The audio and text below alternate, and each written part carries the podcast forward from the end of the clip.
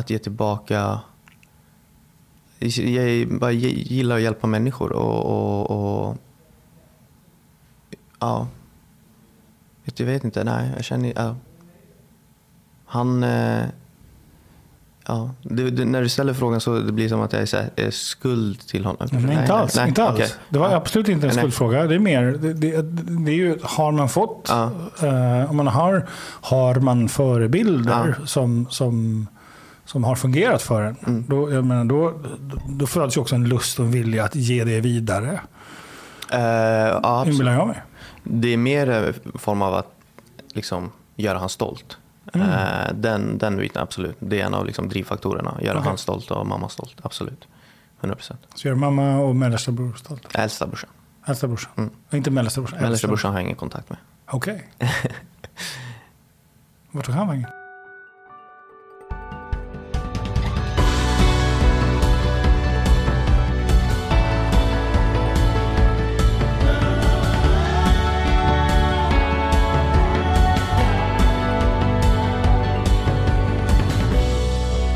K-O-U-S-H.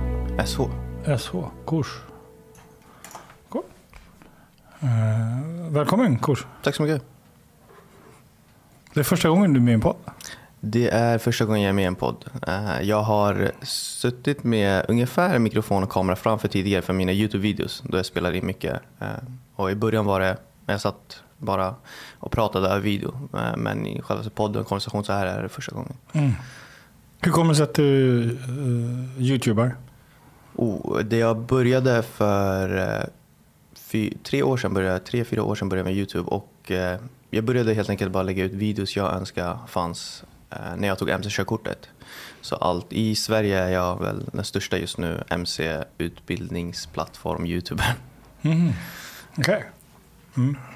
Så eh, det var när du själv började ta körkort eller var det efter du hade tagit? Eh, det var efter när jag hade tagit. För när jag höll på med körkort och började söka efter information och videos gällande tips och vad man ska tänka på hittade jag inga videos. Medelåldern för motorcyklister är 50-55 i Sverige. Det är många som eh, fick med MC-körkorten när de tog bilkörkortet. Jag vet inte exakt vilket år det var. Så det är många äldre personer som har MC-körkort men har aldrig suttit på en hoj mm. Eh, med sitt bilkörkort. Så medelåldern är hög och många väljer att ta MC-körkort efter barnen har flyttat ut och följer deras dröm om att köra hoj. Och eh, det har blivit så. Det är väldigt dyr eh, hobby och dyr resa att ta MC-körkortet.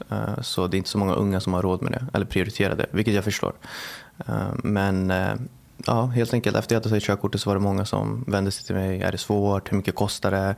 Vilken hjälm rekommenderar du? Och då började jag bara lägga ut eh, allt, eh, alla svar, så slipper jag förklara. Mm. um, och det jag önskade fanns, helt enkelt. Mm. Och det är lite samma tanke med Framtidshjälpen också, det företaget som jag jobbar med. Att den informationen och kunskapen jag delar med mig är återigen saker och ting jag önskar fanns när jag var mm. ung. Vad kör du för hoj? En uh, Kawasaki Z900. Mm, varför, varför den? Billig att försäkra för eh, den eh, åldern jag är och den kraften eh, hojen har. Och den är jätterolig och jättebra. Rolig? Vad, så, vad, är det som är, vad är det som gör en hoj rolig? Och det här är ju väldigt individuellt. Det är lite som hundar. Man kan se på, äh, man kan se på hundarnas äh, ägare att, och hunden att de passar. Äh, jag vet inte om det här kommer, folk kommer bli kränkta. Men, ja, då, får, då, vet, vet du vad, då får folk bli kränkta. över ja. Nej, men man ser ju här, det passar ens personlighet lite. Mm. vissa över, nu ska jag generalisera, men de som kör HD är en viss typ och de som kör, de är lite mer custom café racerna lite en viss typ och klär sig på ett vitt sätt. Och, mm. så så, så vad, vad är det din hoj säger om dig? Um, oj. Otroligt uh, ambitiös driven. så, så drar den ett CV liksom. Exakt. Nej, den, den är väl... Uh, den har många Många för, alltså, både snabb, både lätt att hantera, eh, pålitlig. Eh, den är bra på mycket. Eh, den är kan, snabb, lätt och pålitlig? Den, den är, du kan ta, du kan ha, liksom, och den är bra på mycket? Ja, och ser bra ut. Alltså, du får och ser bra ut? Ja, den är snygg. Den är, den är... ja, exakt. Jag var som... Nej, oh, gud vad hemskt. Men, men, skulle man kunna säga det? Att det är liksom, du är snabb, du är lätt, du är också en pålitlig person. du är bra på mycket. Eh, och, ja, det är viktigt att man ser bra ut. Jag har aldrig tidigare liksom gått så djupt i det här, vad hojen säger om mig och hur jag är. Ja. Nej men visst, det, det låter, mycket av det stämmer in. Du, du, eller hur? För du jobbar med, du jobbar med försäljning, du jobbar med, med YouTube, eh, du, du DJar en del eh, och, och sen Framtidshjälpen. Mm.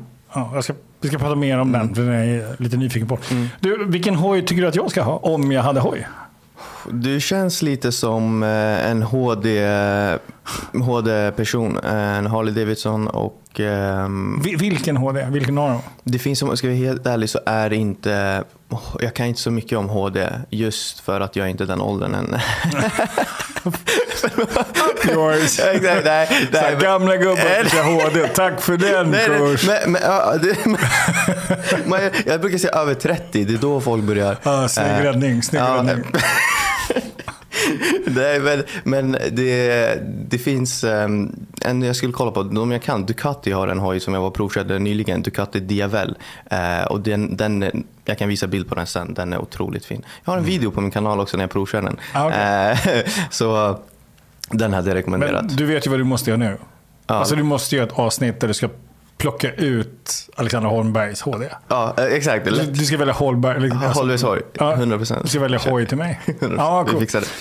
Ja, nej, jag, har, jag, har, jag har för stor respekt för eh, min egen förmåga eh, att tycka det är för roligt att köra fort. Så att jag, jag, jag avstår från att köra. Jag, jag, när jag jobbade i Latinamerika några år så, så körde jag mycket hoj. Fast mm. det var ju mer för att, att jag var tvungen. Det var enda sättet att ta sig fram. Eh, så då, och då när jag fick körkortet där, mm. då, då så sa jag by the way så ska jag köpa båge också. Ja visst, sa mm. polisen och stämplade en, en till stämpel. Så så var det där. Nej, men det här brukar jag säga att jag vet inte hur det är exakt Latinamerika, men jag kan föreställa mig att jag förstår det att det är farligt med hoj och det är den argumentet många har och kommer köra. Men Sverige är en av de bästa länderna. Allt. Alltså, om man ska köra motorcykel så är Sverige en av de bästa länderna att köra motorcykel på. Jag, jag, jag betvivlar inte. Jag är helt säker på att jag själv skulle klara av att köra ganska bra och ta ansvar för det. Men så finns det ju andra i trafiken också. Mm, precis, det är så. Och där, de kan inte jag styra över. Men du, vi ska inte mm. prata hoj mer. Nej. Mer än att jag tycker det är roligt att du är snabb, lätt, pålitlig, du är bra på mycket och ser bra ut, Kurs. och är singel. Nej, jag nej, jag skojar. Ah, okay. nej, nej, ja. ja. Du, jag tänker så här. Ehm, du är engagerad i Framtidshjälpen. Mm. Berätta. Eh, Framtidshjälpen är ett företag som hjälper ungdomar med vad det låter, framtiden. Eh, Var, varför är det här viktigt för dig? Samma sak som med hoj, som um, Youtuben där jag kände det här behövde jag när jag tog mc-körkort. Känner jag så här, det här skulle jag behöva när jag gick satt um, i gymnasiet. Någon som kommer och uppmärksammar och berättar om det här är vad som händer i framtiden. Uh, väldigt mycket lär vi oss bra i skolan, väldigt mycket inte så nödvändigt. Uh, men de viktiga grejerna i livet, psykisk hälsa, fysisk hälsa, Eh, privatekonomi. Så, så varför är det här med psykisk hälsa, fysisk hälsa och privatekonomi, varför är det viktigt för dig? Det, det är livet. Alltså livet är, det är en del av en viss stor majoritet av livet. Det är liksom det som är viktigast. Jag, jag tog ju PT-licens för cirka ett år sedan. Och det var ju med främst för att jag kommer träna resten av mitt liv. Eh, och jag ville ha lite mer Eh, kött på benen för Framtidshjälpen. Jag pratar om fysisk hälsa och, och så, så läser jag psykologi också på, på SU. Eh, och då allting kopplas samman och hör ihop. Den fysiska hälsan, psykiska hälsan, privatekonomi, all, mycket psykologi, mycket mm. träning. Det, det är som liksom symbios. okay, så, så den fysiska hälsan, den psykiska hälsan och en liksom, ekonomisk stabilitet, det är viktigt? Absolut. Yes, men du svarade inte på frågan. Jag är nyfiken på varför det är viktigt för dig, Kors. Kors, förlåt. Ja, nej. Det, jag tror nog om vi går tillbaka till att det är viktigt för mig för att hade någon kommit och sagt det här till mig när jag var i gymnasiet hade jag blivit väldigt, väldigt glad och väldigt, väldigt liksom... Hur hade du det i gymnasiet? Uh, hur menar du? Ja, hur, hur var du i gymnasiet? Var, varför hade du behövt höra det här? Kände mig... Det, ja. Mm, mm, mm. Hur var gymnasiet? Alltså, ja. jag, menar du betygsmässigt? Eller nej, nej, nej. Hur var, hur var ditt liv då? Gymnasiet? Liksom? Ja. Det var intressant period. Jag skulle säga väl det efter gymnasiet som jag tog tag och hittade mig själv på riktigt. Mm. Under gymnasiet absolut var det väldigt mycket som hände. Eh, främst sista året, för det var då jag blev ordförande för elevkåren. Mm. Eh, fick gå ledarskapsutbildning med Raoul Wallenbergs Academy och eh, smaka på att vara ledare på riktigt lite för, där i styrelsen. Mm. Och efter det så, um, det, det var också en period i gymnasiet då jag, det här nu går in på lite biologi, men jag eh, upptäckte att jag, jag mådde inte så bra. Eh, mm. Och eh, det var främst för att eh, jag hade en sjukdom som påverkade mina hormonnivåer. Och jag gick till skolsystern flera gånger, eh, gick till vårdcentralen flera gånger. Och de gjorde vissa tester men till slut så efter kanske femte läkarbesöket så testade den här läkaren alla olika hormoner och nivåer och då insåg vi att jag hade förhöjda nivåer eh, av ett hormon som heter prolaktinom. Eh, så man ska ligga mellan 200-400, jag låg på 8000. Oh. och det påverkar liksom, eh, lite humör och annat i livet. Och på vilket sätt, vad hände? man blir lite likgiltig vad jag förstått av läkaren eh, när man tar det där hormonet och mycket som inte spelar någon roll. Jag, menar, när man har sådana förhöjda precis, nivåer då blir man likgiltig? Alltså. Ja, du, eh, jag hade svårt att koncentrera mig. Jag eh, sov eh, oregelbundet. Du, andra hormoner på, all, alla hormoner jobbar ju tillsammans lite. Så när jag hade förhöjt av det där hade jag för lågt av det där och det påverkade det där. Eh, förhöjt av prolaktinom, för lite testosteron, för lite testosteron. Det blir liksom, jag tränade ju samtidigt så, men jag såg inte så mycket resultat i träningen. Eh, så det var det. Men, vi ska inte, ja. men nu är det bra, nu, nu, jag, liksom, nu käkar jag medicin. Okej, okay, så det finns medicin för det? Yes. Mm. Var är du uppväxt någonstans? Eh, Bagarmossen. Mm. I Bagis? Yes. Okay. Hur var, hur var liksom dina första liksom, sju år? Jag, jag minns inte så mycket. jag har haft ja. Eh, jag, eh, jag är yngst, jag har två äldre bröder.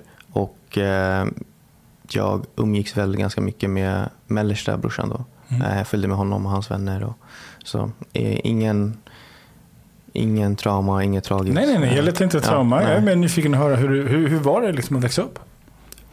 Bra. Mm. För vad är det som gör att liksom, kurs mm sen i liksom 25 plus ålder hamnar och börjar bli engagerad för unga män. Mm. Så det, det den är jag nyfiken unga, på. Med, unga, unga, unga ungdomar. Ungdomar, förlåt. Mm. Ja, för, för ungdomar. Jag tänker du, du är ju man och vare sig du vill eller inte så mm. kommer du bli förebild för andra unga män mm. också. Så, och, och, då tänker vad är det som får en kille som växer upp i bagis att, att hamna här? Hur går det till? Liksom? Oj. Um...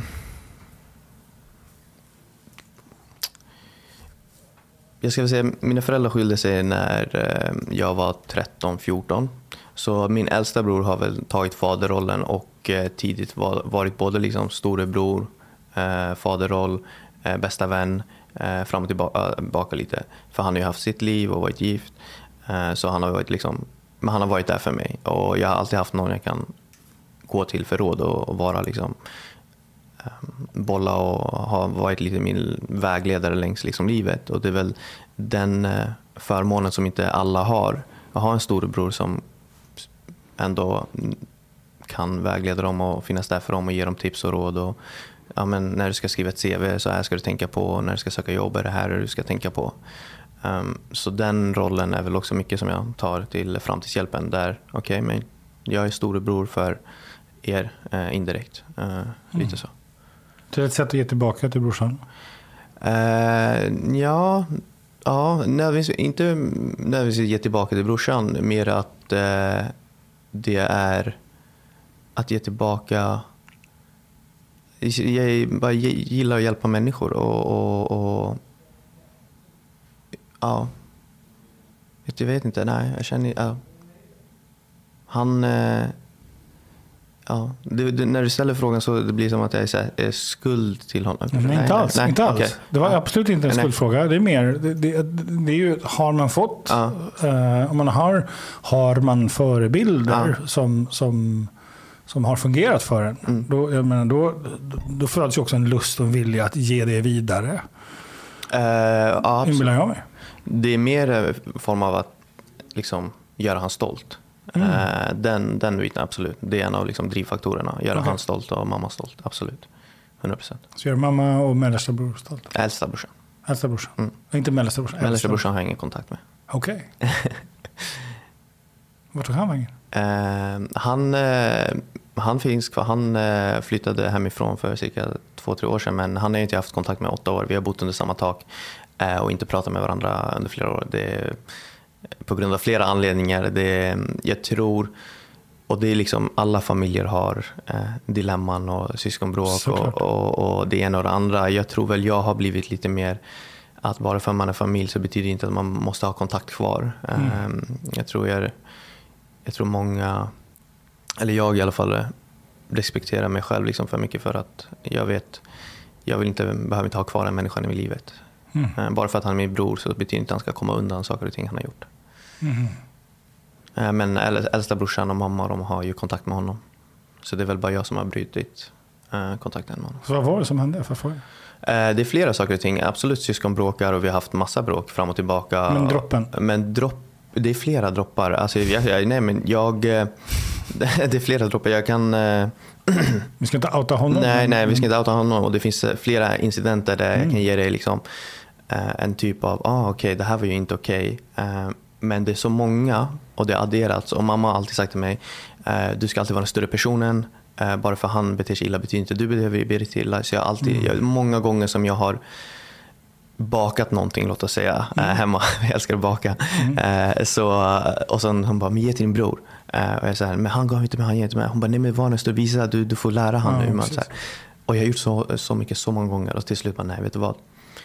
Det, det ger ingenting, utan han förstår inte sitt fel för han får ju ändå kakan när, mm. även trots att han beter sig illa. Aha. Så det är liksom, det är också, jag är jättetacksam för den upplevelsen och det, den relationen vi har haft och de grejerna jag gått igenom, de svårigheterna. För jag har en helt annan tålamod än vad jag ser bland min omgivning. En helt annan, eh, liksom, det är jättesvårt att påverka mig och att jag skulle bli upprörd eller mm. arg för att jag har gått igenom så mycket. Jag har haft, ja, den, eh, Eh, ja, delen av. Du vet att när de säger så här, jag hade ingen trasslig barndom och jag hade ingen trauma. när folk säger det, då brukar jag tänka, ja tjena. Ja, nej men det är så, alltså, jag, när jag lyssnar lite på andra poddar, absolut, det går att jag kan ta, ta upp grejer och det här var jobb. Men det är perspektiv. Alltså väljer ja, man att se, se, det som att ja, det var, utan, ja, men det här formar mig, ja tack. Mm. Uh. Ja, absolut. Jag, jag tänker det, du har ju kommit väldigt långt tänker jag. Mm. Att, att vara i din ålder, och jag tänker det är väldigt inspirerande att höra det. Just alltså, hur gör man, bara den insikten att nu är jag med om någonting som är jobbigt. Jag tar mm. ett antal beslut. Mm. Det innebär att jag får ta konsekvensen. Mm. Konsekvensen är att jag måste bryta med min bror. Han är inte bra för mig. Vi är inte bra för varandra. Mm. Och så, så, alltså det är ju väldigt... Det är väldigt mo, jag gillar inte ordet moget, mm. men, men genomtänkta beslut, tänker jag. Um, och Eh, och du väldigt snabbt hamnar i Wallenberg, liksom den här ledarrollsgrejen, ordförandeskolan eh, och nu framtidshjälpen. Då är jag nyfiken på liksom, vad är det som har format dig i det? Det är den jag är nyfiken på. Och eh, det är därför vi pratar om mm. det här. För, för, eh, för det, är väldigt, det, är väldigt, inspirerande att höra det. Eh, en, en, och jag tänker att vi alla människor har sår. Alla människor har jag vill inte använda ordet trauma, men, men saker och ting som påverkat oss både positivt och negativt. Och allt det här är ju perspektiv, precis som du säger, som vi faktiskt kan välja att förhålla oss till. Mm. Vi kan se det som en, en, en problematik, jag kan också se det som någonting som jag inte vill ha i mitt liv, eller någonting som jag vill ha mer av i mitt liv. Så, det är intressant. Um, pappa då? Um, vad menar du där? Hans eh, roll? Och du har inte pratat om honom? Ja, nej, han, mina föräldrar, jag gick i sjuan, åttan eh, när de skilde sig. Mamma, alltid, alltid mamma, vi alla tre är mammas pojkar.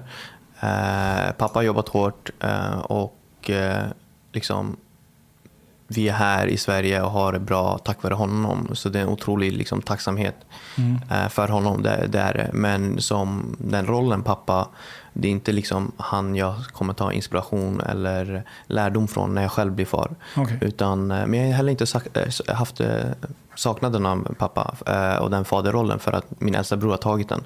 Mm. Så ja, det är väl där det liksom... Är inte det också intressant? Att man kan faktiskt välja vilken förälder man vill ha. Baserat på vilken förälder man faktiskt behöver. Och det måste inte vara ens egen förälder. 100 procent. Visst är det spännande? Ja, ja. väldigt. Kan, mm. jag, jag tänker så här, eh, när, du, eh, när du idag jobbar med ungdomar, mm. eh, vad är liksom viktigt för dig i det arbetet? Det är väl, oh, bete, alltså, den främsta är beteendeförändring. Att om det är liksom, fysisk hälsa, den psykiska hälsan eller sparandet, eh, hur du sparar. Så är det, och det här är inte bara ungdomar, det här är vuxna också. Mm -hmm. hur skapar vi liksom, en beteendeförändring? För jag vet hur svårt det är att bara förändra mig själv eh, och nå ut till ungdomarna. För om jag har en föreläsning och jag pratar inför eleverna, ja, det är en gång och alla mår bra, eh, hippie, eh, hurra, liksom, och vad trevligt och ja, det där var en bra punkt. Och så går det liksom två dagar och sen har de glömt bort det. Eller det är inte, det kanske inte skett någon förändring. Så det är, det är, repetition som kommer göra förändringen. Och mitt mål är ju att få dem att nappa till ah, det där är intressant.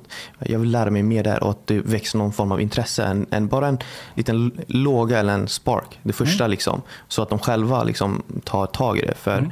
Även om hur mycket jag, det här märker jag liksom så här klienter, PT-klienter också, alltså även hur mycket jag än står där och pratar och ger dem nyttig information, de måste själv vilja det. Um, det är väl det. Mm, vad vill du ska hända? Vad är det för samhälle? Vad är det för värld? Vad är det för liv? Vad är det för förändring du ser att du vill inspirera till? Från vad till vad? För långsiktiga målet är, är väl att, och det är att förhoppningsvis kunna ändra liksom skolan i helhet så att det sker lite förändring i liksom, läroplanen och hur vi lär ut. För det har inte skett sån eh, stor förändring under flera år. Liksom.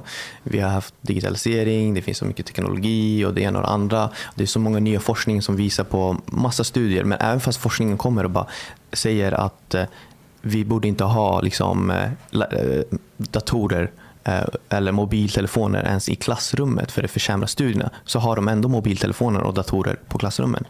Mm. Um, så det, det, och för att göra så du menar att du, du är för att man har ett mobilförbud i skolan?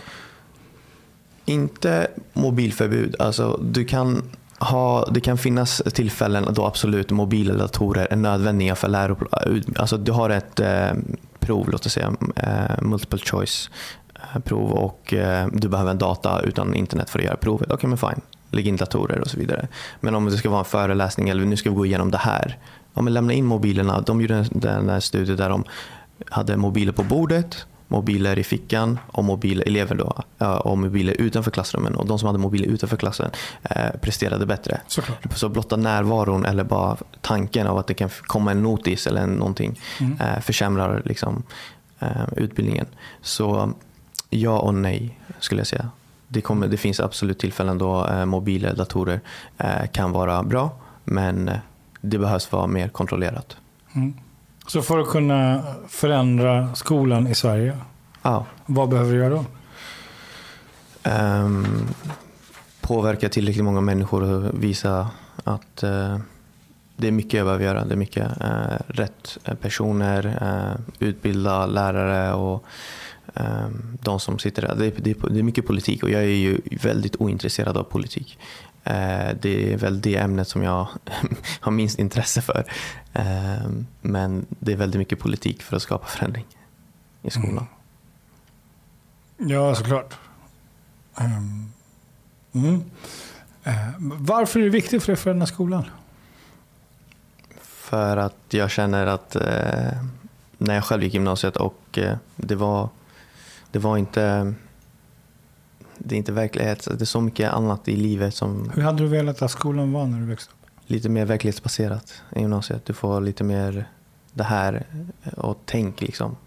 Psykologi, mer psykologi, allmänhet. Nu de som läser psykologi, de som väljer psykologi 1 och 2 i universitet eller i gymnasiet. Eh, och eh, sen men det är sån viktig del av liksom, psykisk hälsa har temadag. Alltså, det är kanske en temavecka i gymnasiet med psykisk hälsa. Det, räcker, det är inte tillräckligt.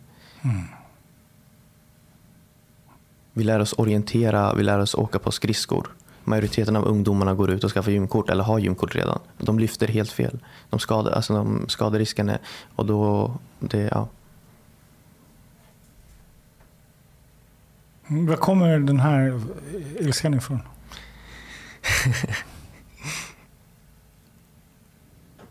ja, mm, det är väl... Ja, jag, ska, jag skulle inte väl... Alltså inte ilska, mer så här... Eller kanske det är ilska. Jag har inte lagt en etikett på om det är ilska eller trötthet. Du såg arg ut när du... ja, det det är väl trött. Alltså, det, jag, jag, kände den först tror jag, i ettan på gymnasiet när vi hade ett prov i samhällskunskap. Jag eh, kände att jag presterade väldigt bra på det provet och jag tänkte att ah, det, här, det här är nog ett B. B eller kanske, kanske minst ett C i alla fall. Få tillbaka betyget, står det E och jag var såhär, nej det här kan inte stämma. Mm.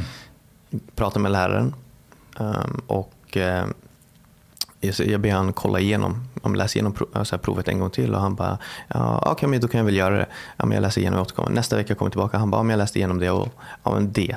Det, jag kan höja det till ett D. Och jag säger, okay, så om inte jag hade haft det här samtalet med dig så hade jag fått ett E, vilket hade påverkat mitt betyg. Och där blev det någon form av trötthet och ilska. Okay, det här är helt otroligt. Och det, man tappar mot, jag, jag har hört och varit med om så många andra vänner eh, som har gått med om samma sak.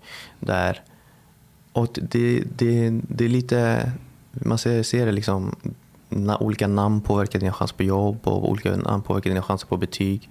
Och det är lite tröttsamt och jag tror inte alla har motivationen eller den här viljan till att okej, okay, men jag fortsätter ändå. För jag tror många blir så här, nej, jag, jag ser ingen mening i det hela. Mm. Varför ska jag kämpa? Eller, jag, tänker det, att jag hör ju samma sak när du är hos uh, fem stycken läkare. Mm. För du känner att det är någonting som inte stämmer. Och om man går till en läkare så ger de ett svar och så, så till slut så har du gått till det femte som mm. slutligen gör det du vill att de ska göra, tar provet och så visar det sig att du har en brist på ett hormon. Eller du har ett överskott av mm. ett hormon. Uh, jag tänker att det är samma sak. För hade du inte kämpat mm, så hade det inte blivit någonting. Nej. Så, och då tänker jag så, varför är den här kampen så viktig för dig? Kampen att inte ge upp, mm. eller? Uh, det är väl en del av min personlighet, tror jag. Uh, kanske. För, ja.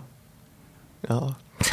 ja. Men varför är det viktigt för dig att faktiskt inte ge upp utan att, att lyssna på det du behöver och kämpa för det? det hur kommer det sig att det är viktigt för dig? Mm.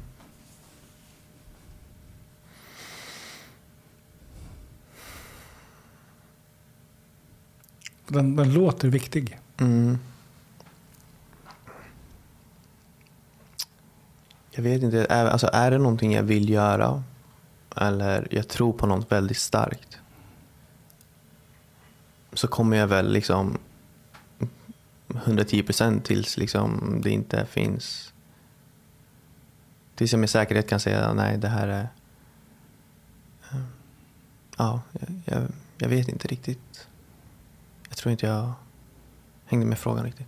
Har du, har, du kanske inte har tänkt på det förut? Mm, nej. Mm. Jag har inte faktiskt alls reflekterat kring det. Det har bara varit. Mm. Kämpade din mellanbror någonting? Med? Ja, sig själv och sina utmaningar. Nej, jag tror... Melle, vi, jag och äldsta brorsan är väldigt lik varandra. Eh, Mellersta är väl den mer akademikern eh, som liksom studerat, tagit eh, master vidare och, och varit pluggisen i familjen. Medan jag och äldsta brorsan är väl mer praktiska, lite mer extroverta medan han är lite mer introvert. Um, och uh, han klarade teoriprovet på försökkortet på första men kuggade praktiska provet mm. fem gånger. Och för mig var det att jag klarade praktiska på första men kuggade teoriprovet en gång. Mm. Liksom så um, så vi, vi är lite olika så. Men uh, ja, vad han har kämpat eller gått igenom har inte jag så mycket koll på. Mm. Så vad har du fått ifrån det här att det är viktigt att kämpa för det man tror på? Äh, äldsta brorsan. Äh, och äh, ja, det har bara varit, jag tror, ens förebilder. Äh, och det man ser och det är mycket liksom ge aldrig upp, quotes och mm. det är väl ja, den biten. Mm. För eh, jag tänker så här då, eh, när du, när du träffar eh, en publik i din roll som föreläsare där ute och träffar eh, liksom, ungdomar och du vill få dem att tända till. The sparkle, gnistan. Liksom. Så vad är det du egentligen vill säga till dem? Alltså det mest uppmärksamma om exempelvis, jag hade inte eh, koll på, vad, visste inte ens att aktier fanns exempelvis. Mm. Så det är väl mest det att förklara, berätta, uppmärksamma om mycket. Eh, och sen själva får de gå vidare till, ja men jag vill lära mig mer om aktier. Okej, okay, det här är de böckerna, det här är de forumen där du kan lära dig mer och det finns mer utav. Mm. Uh, och är det 100 personer i publiken så kanske fem, fem personer är intresserade av aktier. Uh, så det är ingen idé att jag står där och föreläser om uh, indexfonder och räntefonder och det ena och det andra och går djupt i det. Utan det är mest bara, det här finns och sen fysisk hälsa, så här, det här, det här är viktigt träna, liksom, träna inte bara för utseendets skull. För majoriteten av unga killar tränar bara överkropp, tränar bara bröst och armar. Eh, och det blir obalans. Och vad, vad kan det leda till? Okay. Och så vidare. Så det är någon form av liksom uppvaknande för dem att bara, oh, oh shit, jag hade ingen aning om det här. För det är mycket av det vi inte får i gymnasiet. Mm. Mm. Okej, okay. så eh, vad har du för långsiktigt mål med nyfiken på? I livet eller mm. framtidshjälpen? Livet? Livet? Jag, alltså jag gillar att skapa saker och ting. Så um, Youtuben exempelvis, um, det fanns ingenting. Det var två, alltså jag och kanske min bästa vän prenumeranter första två. Så, och sen nu är det uh, uppe i 4000 snart. Uh, Facebookgrupp på 350 motorcyklister där vi åker ut liksom tillsammans. Vi ska till Gotland nästa vecka tillsammans. Så det fanns ingenting. Uh, och nu helt plötsligt så finns det någonting. Um, samma sak med Framtidshjälpen, att ett företag det fanns inte och nu helt plötsligt så finns det. Uh, och vi kommer bygga, vi kommer anställa fler person, personer och, och, så vidare. och Så vidare. Så skapandet uh, brinner jag för. Mm. Så målet i framtiden är att skapa flera företag, bygga flera saker. Jag behöver inte vara uh, den som är liksom, VD eller grundare men någon form av delaktighet i det hela. Mm. Kan vara marknads... Så vad har du för mål med det? Vad är det du vill uppnå med det här? Skapa det, jag tycker det är roligt. Jag, jag, jag, det, Vad är det som är roligt? Skapandet och liksom idéer, den kreativa aspekten och, och lära mig saker och ting nya. Um, mm, så när du är nyfiken, när mm. du skapar saker, när du är kreativ, mm. när du utvecklar bolag, när du gör alla de här sakerna. Så lever jag. Okej, okay, då lever du. Ja, men vad vill, du. vad vill du att det ska leda till? Så långt har jag inte faktiskt tänkt. Men om du gör det? Ska vi prata? Ja.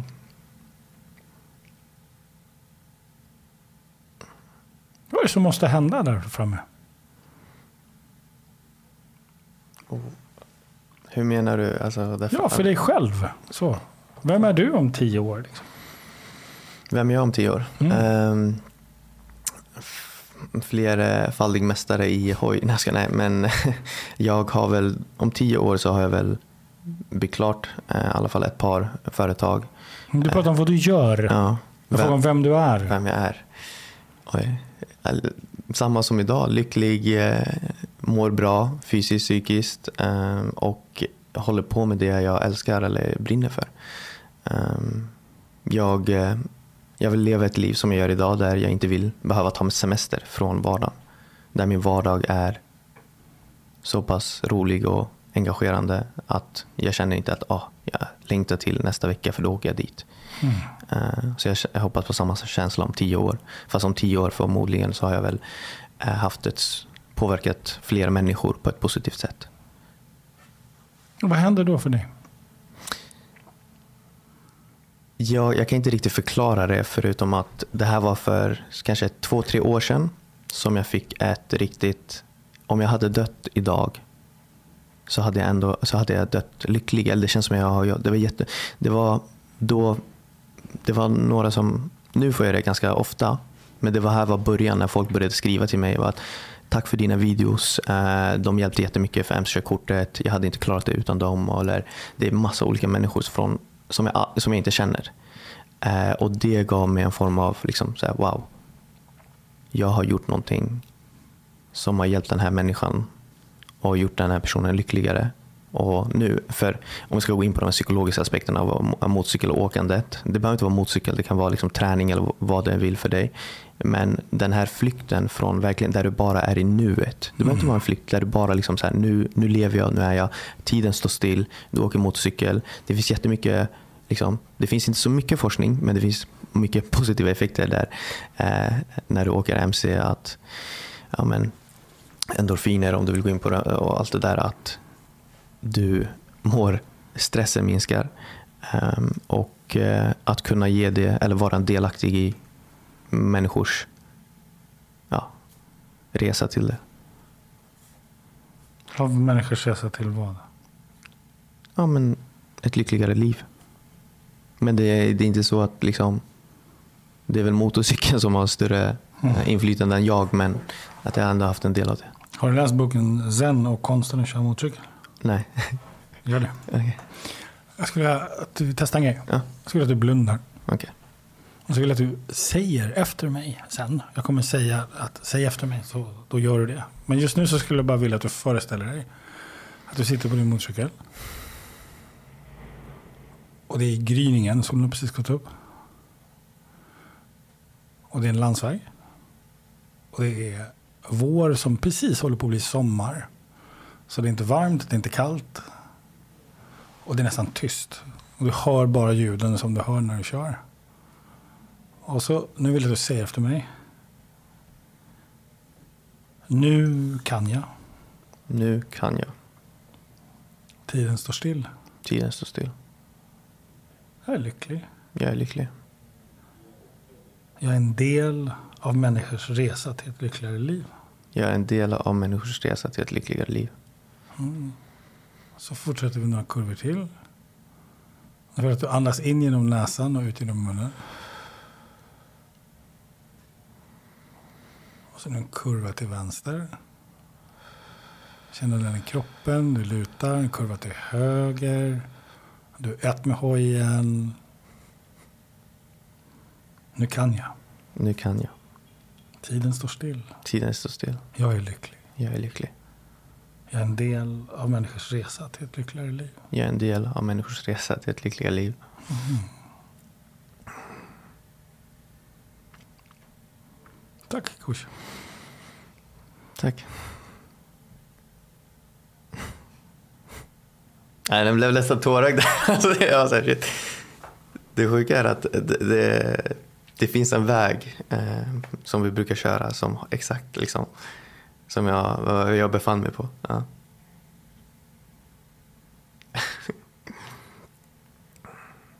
Så vad händer för dig nu? Nej, alltså, ja. Mycket äh, glädje. Mm. Mm. Det var fint att få se dig på slutet. Mm. mm. Tack. Tack.